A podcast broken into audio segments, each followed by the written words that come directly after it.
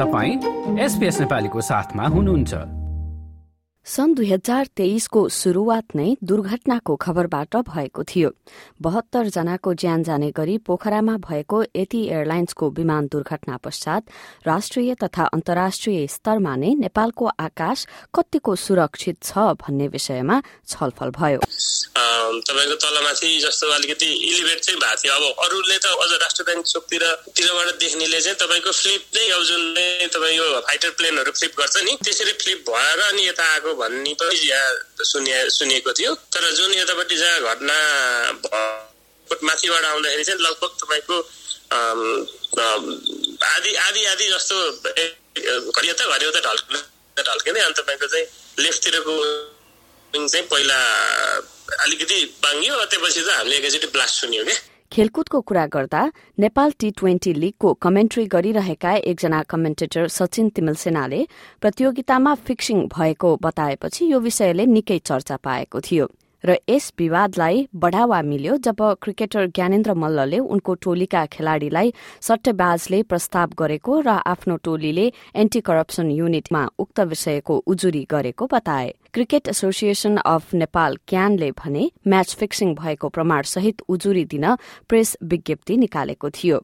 क्रिकेटकै कुरा गर्दा उच्च अदालत पाटनले बलात्कार आरोपित क्रिकेट खेलाड़ी सन्दीप लामिछानेलाई सशर्त रिहा गर्न आदेश दिएको थियो जनवरीमा र यससँगै उनीमाथिको निलम्बन नेपाल क्रिकेट संघ क्यानले फुकुवा गरेको थियो। चर्चा त साना तथा मझौला व्यवसायहरूका लागि देशमा कस्तो छ अवस्था भन्ने बारेमा पनि शुरू भयो। जब इलामका सैतिस वर्षीय प्रेम प्रसाद आचार्यले संसद भवन अगाडि पेट्रोल छरेर शरीरमा आगो लगाए र आचार्यको आत्मदाहबारे छानबिन गर्न गृह मन्त्रालयद्वारा छानबिन समिति गठन गरियो। राजनीतितर्फ वर्षको शुरूकै महिनामा तत्कालीन उप प्रधान एवं गृहमन्त्री रवि लामिछानेमाथि नागरिकताको विषयमा परेको रिट निवेदनमा फैसला गर्दै सर्वोच्च अदालतले उनलाई सांसद एवं उप प्रधान र गृहमन्त्री रहन अयोग्य रहेको फैसला सुनायो। यसपछि फेब्रुअरी महिनाको शुरूआतमा नै लामिछाने नेतृत्वको राष्ट्रिय स्वतन्त्र पार्टी रासोपाले सरकारबाट बाहिरिने घोषणा गर्यो। र लगत्तै राष्ट्रिय प्रजातन्त्र पार्टी राप्रपाले पनि सरकारमा नरहने निर्णय गर्दै राप्रपाका तर्फबाट सरकारमा सहभागी अध्यक्ष राजेन्द्र लिङदेन सहितका चारजना मन्त्रीले प्रधानमन्त्री समक्ष राजीनामा दिएका थिए। त्यस्तै देशले तेस्रो राष्ट्रपतिका रूपमा रामचन्द्र पौडेललाई पायो। पौडेलले तेत्तीस हजार आठ सय दुई मतभार प्राप्त गर्दै एमालेबाट उम्मेद्वारी दिएका सुभाष चन्द्र नेम्वाङलाई पछि पारेका थिए। खेलकुदका उपलब्धिहरू यस महिना चर्चामा रहे जस्तै कि नेपाली राष्ट्रिय क्रिकेट टोलीका विकेट किपर ब्याट्सम्यान आसिफ शेखले अन्तर्राष्ट्रिय क्रिकेट काउन्सिल आईसीसीबाट प्रदान गरिने स्पिरिट अफ क्रिकेट अवार्ड दुई हजार बाइस प्राप्त गरेको बारे सामग्री प्रकाशित गरेका थियौं। त्यो मोमेन्ट यस्तो भयो कि लाइक ब्याट्सम्यान आफ्नो लाइनमा कुदिरहेको थियो र एक्सिडेन्टली बलर हाम्रो लाइन आफ्नो लाइन क्रस गरेर बल लिने प्रोसेसमा गएर ब्याट्सम्यानसँग ठोकियो किनभने ब्याट्सम्यान आफ्नो लाइनमा कुदिरहेको थियो। मैले पनि क्लियरली देखिरहेको थिएँ त्यही भएर अब त्यो आउट गर्न मैले भ्यालिड देखिनँ त्यही भएर मैले गरिनँ run. Nepal SAFF under twenty महिला च्याम्पियनशीप दुई हजार तेइसको उपविजेता भयो भने नेपाली राष्ट्रिय क्रिकेट टोली इतिहास रच्दै विश्वकप छनौटमा प्रवेश गर्यो। यसअघि नै एक दिवसीय मान्यता जोगाउन सफल भएको नेपालले आईसीसी विश्वकप लीग दुई अन्तर्गतको त्रिकोणात्मक सिरिजको अन्तिम खेलमा युएई विरूद्ध डकवर्थ लुइस मेथडद्वारा नौ रनको जित हात पार्दै इतिहास बनाउन सफल भएको थियो। अब मार्च महिनातर्फ लागौं। पुष्पकमल दाहालले सत्ता सम्हालेको तीन महिना नपुग्दै दोस्रो पटक विश्वासको मत लिनु पर्यो जब राष्ट्रपति निर्वाचनमा कंग्रेसका उम्मेद्वार रामचन्द्र पौडेललाई माओवादी केन्द्रले समर्थन गरेपछि नेकपा एमाले र राप्रपाले सरकारलाई दिएको समर्थन फिर्ता लिए। भाग्यमानी प्रधानमन्त्री हुनुहुन्छ। दुई महिनामा विश्वासको मत लिने मौका प्राप्त गर्नु भएको छ। वैशाख पन्ध्र बिसतिर फेरि यस्तै दिन नआओस्। कामना गर्न चाहन्छु। त्यस्तै उपराष्ट्रपतिमा भने जनता समाजवादी पार्टी जसपाका उम्मेद्वार राम सहाय प्रसाद यादव निर्वाचित भए। अर्को प्रसंगमा नेपालको जनगणनाको अन्तिम र विस्तृत प्रतिवेदनले नेपालको जनसंख्या दुई करोड़ एकानब्बे लाख चौसठी हजार पाँच सय अठहत्तर रहेको देखायो। नेपालको जनसंख्या घट्दो क्रममा गएको र यसलाई सम्बोधन गर्ने खालका कार्यक्रमहरू ल्याउनु पर्नेमा प्रधानमन्त्री पुष्पकमल दाहालले जोड़ दिए। मार्च महिनाको अन्त्यतिर मिटर ब्याज पीड़ितहरूको आन्दोलन चर्की र उनीहरूले संघीय राजधानीमा नै आवाज उठाएपछि सरकारले मिटर ब्याजलाई अपराध घोषणा गर्ने निर्णय गर्यो। काठमाडौँ महानगरपालिकाको मेयरका रूपमा निर्वाचित भएदेखि नै चर्चा कमाएका बालेन्द्र शाह पटक पटक समाचारमा छाइरहे। कहिले निर्वाचन आयोगले चुनावको बेलामा भएको खर्च विवरण नबुझाएको भन्दै कार्यवाही स्वरूप तिर्न लगाएको जरिवानाको विरूद्धमा सर्वोच्च अदालतमा रिट दायर गराएर त कहिले सरकारको स्थायित्वलाई लिएर अभिव्यक्ति दिएर। यसपटक भने फेसबुकमा एक स्टेटस लेखेर उनले सिंहदरबारको फोहोर नउठाउने बताएका थिए। साँच्चीकै देश सफा गर्नु परे त्यहाँका नेताहरूलाई सिस्टोलमा डम्प गर्नुपर्ने हुन्छ भनेर लेखेको उक्त स्टेटसलाई लिएर एकपटक सामाजिक सञ्जालमा प्रतिक्रियाको लहर नै चल्यो। नेकपा एमालेका महासचिव शंकर पोखरेलले ट्विटरमा मेयर शाहको अभिव्यक्तिप्रति प्रतिक्रिया दिँदै लेखेका छन् मेयर बालेनको अभिव्यक्तिले नेपाली समाजलाई चरम अराजकतातिर लैजाने नियोजित प्रयास भइरहेको संकेत गर्दछ। जिम्मेवारीमा बसेपछि जिम्मेवार र जवाफदेही बन्नै पर्दछ। तर सर्वोच्च अदालतले काठमाडौँ महानगरपालिकालाई सिंहदरबारको फोहोर उठाउन अन्तरिम आदेश दिएपछि यो विषय शान्त भएको थियो। राजनैतिकै चर्चा गर्दा बारा चितवन र तनहुमा उपनिर्वाचन सम्पन्न भयो जसमध्ये चितवन क्षेत्र नम्बर दुईमा राष्ट्रपाका सभापति रवि लामिछाने र तनहु क्षेत्र नम्बर एकबाट स्वर्णिम वागले निर्वाचित भए भने बारा दुईबाट जसपाका अध्यक्ष उपेन्द्र यादव निर्वाचित भए। अप्रेलमा नै काठमाडौँ विश्वकै सबैभन्दा प्रदूषित शहरको सूचीको टुप्पोमा उक्लियो। यसैबीच देशको अर्थतन्त्रमा समस्या देखिन थालेको अर्थविदहरूले बताउँदै गर्दा अर्थतन्त्रमा देखिएका समस्या र नेपालमा लगानीका सम्भावनाबारे हामीले सामग्रीहरू पस्किएका थियौं। वास्तवमा अहिलेसम्म चाहिँ हामीहरूले चाहिँ फिल नगरेको चाहिँ भन्नाले सङ्कुचन चाहिँ आयो।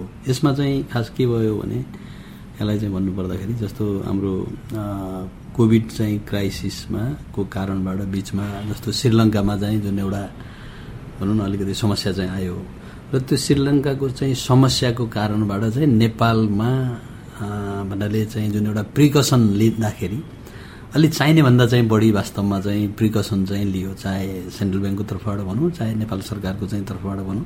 वास्तवमा त्यो प्रिकसन जुन चाहिने भन्दा बढी टाइट गरेको कारणबाट वास्तवमा अहिलेको चाहिँ यो सिचुएसन चाहिँ आएको हो भन्ने चाहिँ भन्नाले एउटा चाहिँ बुझाइ चाहिँ छ। मे महिनामा चर्चाको शिखरमा रह्यो नेपाली नागरिकलाई भूटानी शरणार्थी बनाएर अमेरिका लग्ने भन्दै नेपाली सर्वसाधारणबाट लाखौंको रकम ठगी गर्ने गिरोहमा विभिन्न विशिष्ट व्यक्तिहरूको नाम जोडिएको विषय। नेकपा एमालेका सचिव एवं पूर्व उप प्रधानमन्त्री समेत रहेका टोप बहादुर रायमाझी पूर्व गृहमन्त्री बालकृष्ण खाँड लगायत उच्च पदस्थ अधिकारीहरूको नाम बाहिर आएको थियो।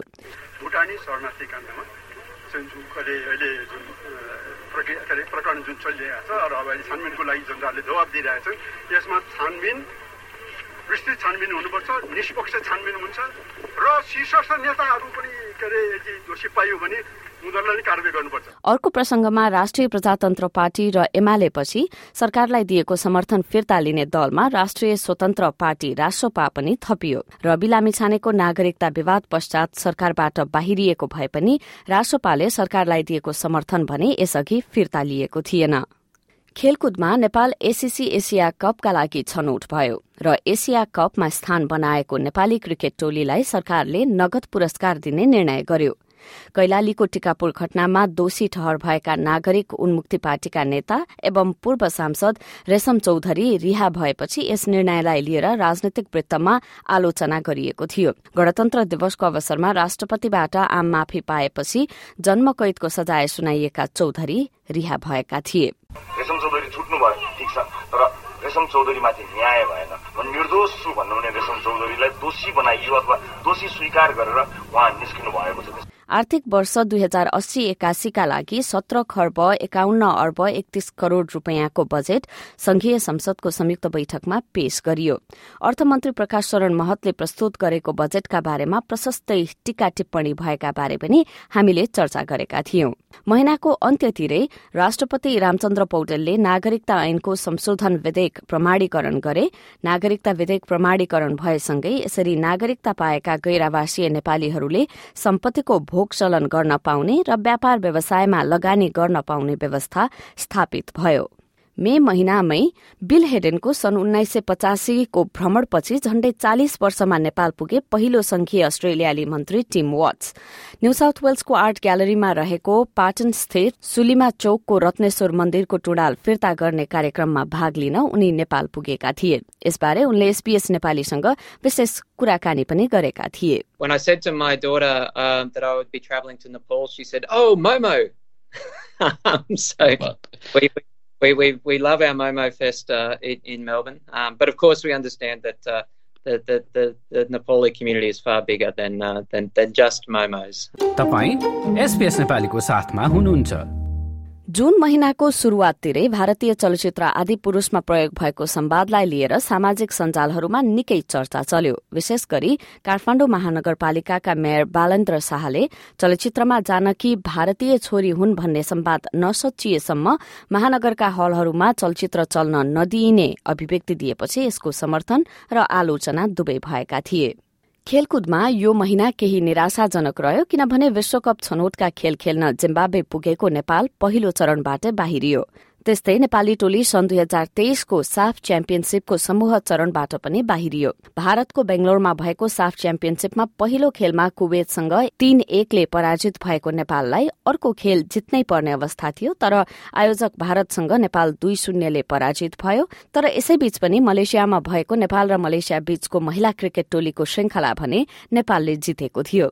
पाँच खेलको श्रृंखला नेपालले तीन दुईले जितेको हो। उता पोखरा विमानस्थलमा पहिलो अन्तर्राष्ट्रिय अन्तर्राष्ट्रिय उडान सम्पन्न भयो। चीनको छेङदुबाट सिचुवान एयरलाइन्सको न्यारोबडी जहाज पोखरा अवतरण गरेको थियो। राजनीतितर्फ माओवादी केन्द्र एकीकृत समाजवादी जनता समाजवादी पार्टी र नेपाल कम्युनिष्ट पार्टीले मिलेर समाजवादी मोर्चा नेपाल गठन गरेको घोषणा गरे।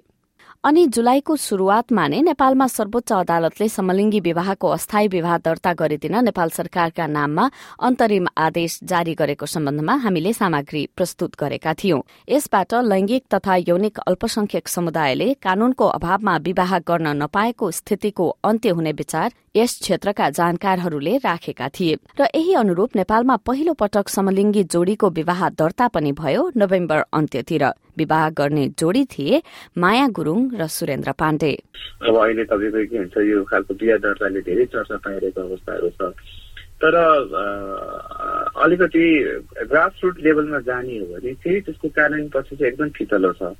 विश्वकप महिला फुटबलको नवौं संस्करणले विश्वको ध्यान तानिरहेका बेला हामीले नेपाली महिला फुटबल टोलीकी वर्तमान कप्तान एन्जेला तुम्बा पौसुब्बा र प्रशिक्षक अनन्तराज थापासँग कुराकानी गरेका थियौं।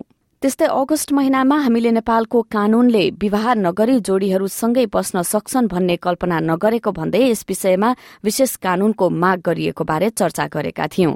सेप्टेम्बरमा पिता सम्मान दिवस वा बोलीचालीको भाषामा बुबाको मुख हेर्ने दिनका बारेमा सामग्रीहरू राख्यौं जसमा हामीले काठमाडौँ स्थित पशुपतिनाथ मन्दिरमा रहेको वृद्धाश्रममा रहेकाहरूसँगको कुराकानीका साथै साहित्यकार लक्ष्मण गामनाङैसँग यस दिनसँग सम्बन्धित रहेर कुराकानी गरेका थियौं। बाको एउटा बानी चाहिँ मलाई ताजुब लाग्छ। मैले परीक्षामा थोरै राम्रो गर्दा बा किन मातिनुहुन्छ म अलिकति बिरामी हुँदा बा किन आत्तिनुहुन्छ म भित्र छिरेदेखि नै एकजना बुवा घरि यता घरि उता हिँडिरहेका छन् जन्म जन्म थरले नक्साल हो मेरो। छोराले खुवाउँदैन। अब आफूले काम गर्न नसक्ने भइसक्यो। छोरी एकचोटि आयो छोरा एकचोटि एकचोटि आयो। भाइ एकचोटि आयो त्यति हो यतै पहिला काम गर्ने सीता बजाइ भन्ने थियो सीता बजाइले ल म आश्रममा राखिदिन्छु त्यहीँ बस्नु त्यहाँ राम्रो पनि छ खानापिना राम्रो गर्छ भनेर भन्नुभयो ल हुन्छ त्यसो भए हुन्छ भनेर नमस्ते गरी अनि त्यहाँ मलाई यहाँ राखियो इजरायल र प्यालेस्टिनी समूह हमासका बीचको द्वन्दमा परेर मारिनेमा दसजना नेपाली पनि थिए। उनीहरूको सम्झनामा नेपालमा राष्ट्रिय शोक मनाइएको केही समयपछि नेपाल वायु सेवा निगमको एक जहाज झण्डै दुई सय पचासजना भन्दा बढ़ीलाई बोकेर काठमाण्डु अवतरण गरेको थियो। यसरी द्वन्दग्रस्त इजरायलबाट सकुशल घर फर्किन सफल मध्येकी एक विभूषा अधिकारीसँग हामीले अक्टोबरमा कुराकानी गरेका थियौं। हामी फ्राइडे बेलुका राति नौ दस बजेसम्म फ्रिली हिँडिरहेछौँ बाटोमा। भोलि बिहान पाँच बजे चाहिँ पाँच बजे हामी उठ्यौँ अनि त्यसपछि उठ्दाखेरि पुरै अलिअलि हल्लाएको जस्तो लाग्यो अनि म चाहिँ मेरो साथीलाई भूकम्प आयो क्या हो जाम बाहिर भनेर भने। नोभेम्बर तीनमा नेपालले प्राकृतिक प्रकोपको सामना गर्नु पर्यो भूकम्पका रूपमा। जाजरकोटलाई केन्द्रबिन्दु बनाएको भूकम्पमा परि कम्तीमा पनि एक सय सन्ताउन्न जनाले ज्यान गुमाए भने घाइते हुनेहरूको संख्या दुई सय भन्दा बढ़ी थियो। भूकम्प पछिको अवस्थाबारे पनि हामीले समाचार सम्प्रेषण गर्यौं। नेपाल सरकारले सामाजिक सञ्जाल टिकटकलाई प्रतिबन्धित गर्ने घोषणा गरेसँगै सामाजिक सञ्जालहरूमा उक्त निर्णयको समर्थन र विरोधमा आवाजहरू उठ्दै गर्दा हामीले पनि यस विषयलाई समेटेका थियौं। गृह मैदानमा भएको विश्वकप छनौट खेलमा शीर्ष दुईमा आफ्नो स्थान बनाउँदै नेपाली राष्ट्रिय क्रिकेट टोलीले सन् दुई हजार चौबिसमा आयोजना हुने टी ट्वेन्टी विश्वकप खेल्ने अवसर पाउँदा हामीले क्रिकेटर अविनाश बोहरासँग आगामी टी ट्वेन्टी विश्वकपमा नेपालको योजना लगायतका विषयमा कुराकानी गरेका थियौं। कुनै त्यो एउटा कुनै छैन कि मसँग म कस्तो महसुस गर्दैछु भनेर है कि अब वर्ल्ड कप खेल्न जानु छ। नोभेम्बर अन्त्य र डिसेम्बरको शुरूआततिर नेपाली उच्च पदस्थ अधिकारीहरूको अस्ट्रेलिया भ्रमण बाक्लियो हुन त यो सिलसिला अस्ट्रेलियाका सहायक विदेश मामिला मन्त्री टिम वाट्सको मे महिनाको भ्रमणदेखि शुरू भएको थियो। अस्ट्रेलिया आउनेमा चाहिँ काठमाडौँ महानगरपालिकाकी उपप्रमुख सुनिता डंगोल र राष्ट्रिय सभाका अध्यक्ष गणेश प्रसाद तिमेलसिना रहेका थिए। जसका बारेमा हामीले चर्चा गर्यौं साथमा यस्ता भ्रमणहरूको महत्वबारे विदेश मामिलाका जानकारसँगको कुराकानी पनि राखेका थियौं। आजको दिनमा झण्डै डेढ लाखभन्दा बढी नेपालीहरू अस्ट्रेलियाका विभिन्न सहरहरूमा छन्। र यो हेर्दाखेरि के हुन्छ भने अस्ट्रेलियाको जुन एउटा मल्टी एथनिक एक्सेप्टेबिलिटी छ नि त्यो एउटा डेमोक्रेटिक सोसाइटीको क्यारेक्टर पनि हो। त्यसैले त्यसलाई नेपालीहरूले यसरी स्वाभाविक रूपमा स्वीकार गर्नु र हामीले पनि अस्ट्रेलियाले त्यसरी स्वीकार गर्नु भनेको आफैमा एउटा के अरे भने बहुत महत्त्वपूर्ण जनस्तरबाट र सरकार स्तर। दुइटैमा अत्यन्त मधुर सम्बन्ध देखिन्छ। यी सबैका बीच हामीले नेपालमा हप्ताभर भएका प्रमुख घटनाहरूलाई समेटेर समाचार र विश्लेषण पनि राख्यौं भने संस्कृति र परम्परासँग जोडिएका विषयहरूलाई पनि निरन्तर उठाइरह्यौं। जस्तै डोल्पा क्षेत्रको संगीतलाई लिएर काठमाण्डु आइपुगेका गायकहरूसँगको कुराकानी होस् या पूर्वी नेपालमा बसोबास गर्ने खालिङ समुदायमा प्रचलित रहेको साकेला नाच र आयसा गायन। नेपालका लोपन्मुख भाषा मध्ये सबैभन्दा संकटमा परेको भाषा कुसुण्डाका बारेमा पनि कुराकानी गरेका थियौं। सुदूरपश्चिमका देउडा गीतहरूदेखि लिम्बू समुदायको वेद भनिने मुन्दुमहरूको बारेमा पनि कुराकानी गरेका थियौं हामीले सन् दुई हजार तेइसमा। लाइक र कमेन्ट गर्नुहोस्। एसपिएस नेपालीलाई फेसबुकमा साथ दिनुहोस्।